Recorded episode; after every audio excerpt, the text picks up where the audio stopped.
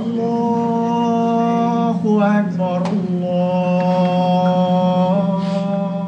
Suatu siang di sebuah penjara di Vacaville, negara bagian California, para tahanan yang mengaku muslim melakukan apa yang sebelumnya dilarang, salat zuhur. Dari 3.382 tahanan di penjara Solano ini, 5% di antara mereka adalah muslim yang giat menjalankan ajaran agama mereka. Memang tidak ada catatan resmi mengenai jumlah mereka, mengingat kebebasan beragama adalah suatu prinsip yang diterapkan di penjara-penjara di Amerika. Namun karena kebebasan beragama itu pula lah, Islam berkembang di balik jeruji penjara. Ketika saya mulai menjadi Muslim, saya diberi wejangan mengenai sejumlah prinsip, lakukan ini, jangan lakukan itu. Kalau saya ragu, jangan lakukan. Itu kata J.C. Burleson yang dikenal di penjara Solano sebagai Hasani. Ia telah berada di penjara itu selama 31 tahun. Hasani salah satu muslim yang mempraktikkan ajaran Islam di penjara Solano dan mereka adalah bagian dari jutaan orang yang dipenjara di Amerika Serikat.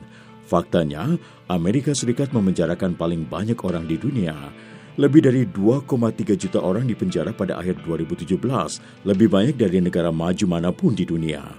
Di lokasi di mana tempat tidur, makanan, dan waktu menikmati hiburan teramat sangat diatur, mempraktikkan ajaran agama tidaklah mudah. Namun para tahanan ini berhasil meleburkan keyakinan agama mereka dengan hukuman yang mereka jalani. Hasani mengaku penjara mendekatkan dirinya pada Tuhan. Di penjara, ia melihat banyak orang yang lebih tua dari dirinya dan sudah lebih lama berada di penjara, menemukan kedamaian dari agama dan keyakinan yang mereka anu. Uh, at that time I started going to saya mulai mengikuti berbagai kegiatan keagamaan, tidak peduli apakah itu Islam, Kristen, atau Yahudi. Saya mencari cara yang lebih baik. Saya percaya Tuhan, dan saya tahu saya hanya akan bisa berubah karena Tuhan. Saya menemukan kedamaian dalam Islam. Hasani hampir setiap hari berinteraksi dengan Imam Penjara Solano Muhammad Ali. Ali adalah imam tetap yang ditunjuk Departemen Urusan Penjara California untuk Penjara Solano. Ia menghabiskan waktu berjam-jam di penjara itu membantu orang-orang seperti Hasani mengeksplorasi keyakinan agama mereka di pusat rehabilitasi. Religion is important to inmates uh, because it connects them to something bigger than their their circumstance. Agama penting bagi orang-orang yang dipenjara karena agama menghubungkan mereka dengan sesuatu yang lebih besar dari masalah yang mereka hadapi. Ini membuat mereka merasa menjadi bagian penting dari sesuatu yang tidak ada langsung di hadapan mereka. Namun perkembangan Islam di penjara-penjara Amerika bukan tanpa tantangan. Budaya penjara dan persoalan hukum adalah dua di antara tantangan itu. Abdul Rauf Nasir, mantan imam di penjara Solano, menceritakan sekitar 25 hingga 30 tahun lalu tidaklah mudah menjadikan Islam sebagai agama yang diakui di penjara. Prison administration through their uh, custody officers Pihak berwenang penjara melalui para petugasnya melarang orang-orang muslim berkumpul. Kalau tiga muslim berkumpul, maka para petugas akan membubarkan mereka. Pada tahun 1990-an, diskriminasi terhadap Muslim bahkan sangat kental di penjara.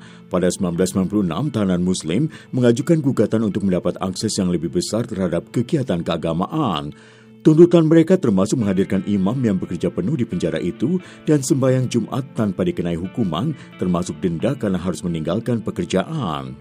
Pihak berwenang penjara sendiri membantah bahwa mereka mendiskriminasi Muslim. Namun kenyataannya antara tahun 2005 dan 2009, gugatan diskriminasi agama paling banyak diajukan tahanan Muslim dibanding penganut-penganut agama lain. Meski jumlah warga Muslim di Amerika saat ini hanya satu persen dari jumlah penduduknya, jumlah itu akan meningkat dua kali lipat pada tahun 2050. Pertumbuhan itu sebagian karena banyaknya tahanan yang berpindah agama ke Islam di penjara. Kehadiran Islam sangat kental di penjara. Lebih banyak orang beralih ke agama Islam per kapita dibanding ke agama-agama lain. Secara nasional, 10 hingga 15 persen orang yang dipenjara di Amerika adalah Muslim. Arif Budiman, Washington.